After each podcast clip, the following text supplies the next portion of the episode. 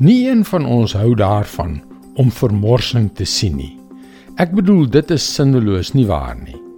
As jy iets het wat produktief kan wees, wat vrugte kan oplewer, wat lewens beter kan maak, hoekom sal jy dit dan in die riool afspoel?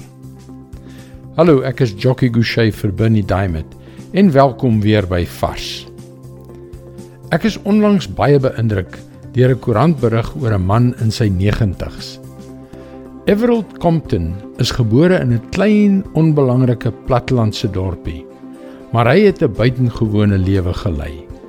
Hy het miljoene vir liefdadigheidsorganisasies ingesamel om die armes te help. Hy het ryk geword sonder om ooit rykdom te probeer bekom. Hy was die katalisator vir die bou van 'n spoorkorridor om sy plaaslike boeregemeenskap te ondersteun. Hy het in alle opsigte 'n buitengewone lewe gelei. Hy is vandag in sy 90's en ons sal dink dat dit vir hom 'n tyd is om 'n rustiger lewe te hê. Nee, glad nie. Hy het nog groot planne. As ek elke oggend uit die bed opstaan, het hy gesê, dink ek altyd ek het alreeds iets goed gedoen omdat ek uit die bed opgestaan het. En dan dink ek, met watter doel is ek vandag hier? Psalm 92 vers 13 tot 16. Die regverdiges sal sterk wees soos palmbome, soos hoë seders op die Libanon. Hulle vind hulle krag in die huis van die Here en groei op in die tempel van ons God. Selfs in hulle ouderdom sal hulle nog toeneem in krag. Hulle sal fris en lewenskragtig wees.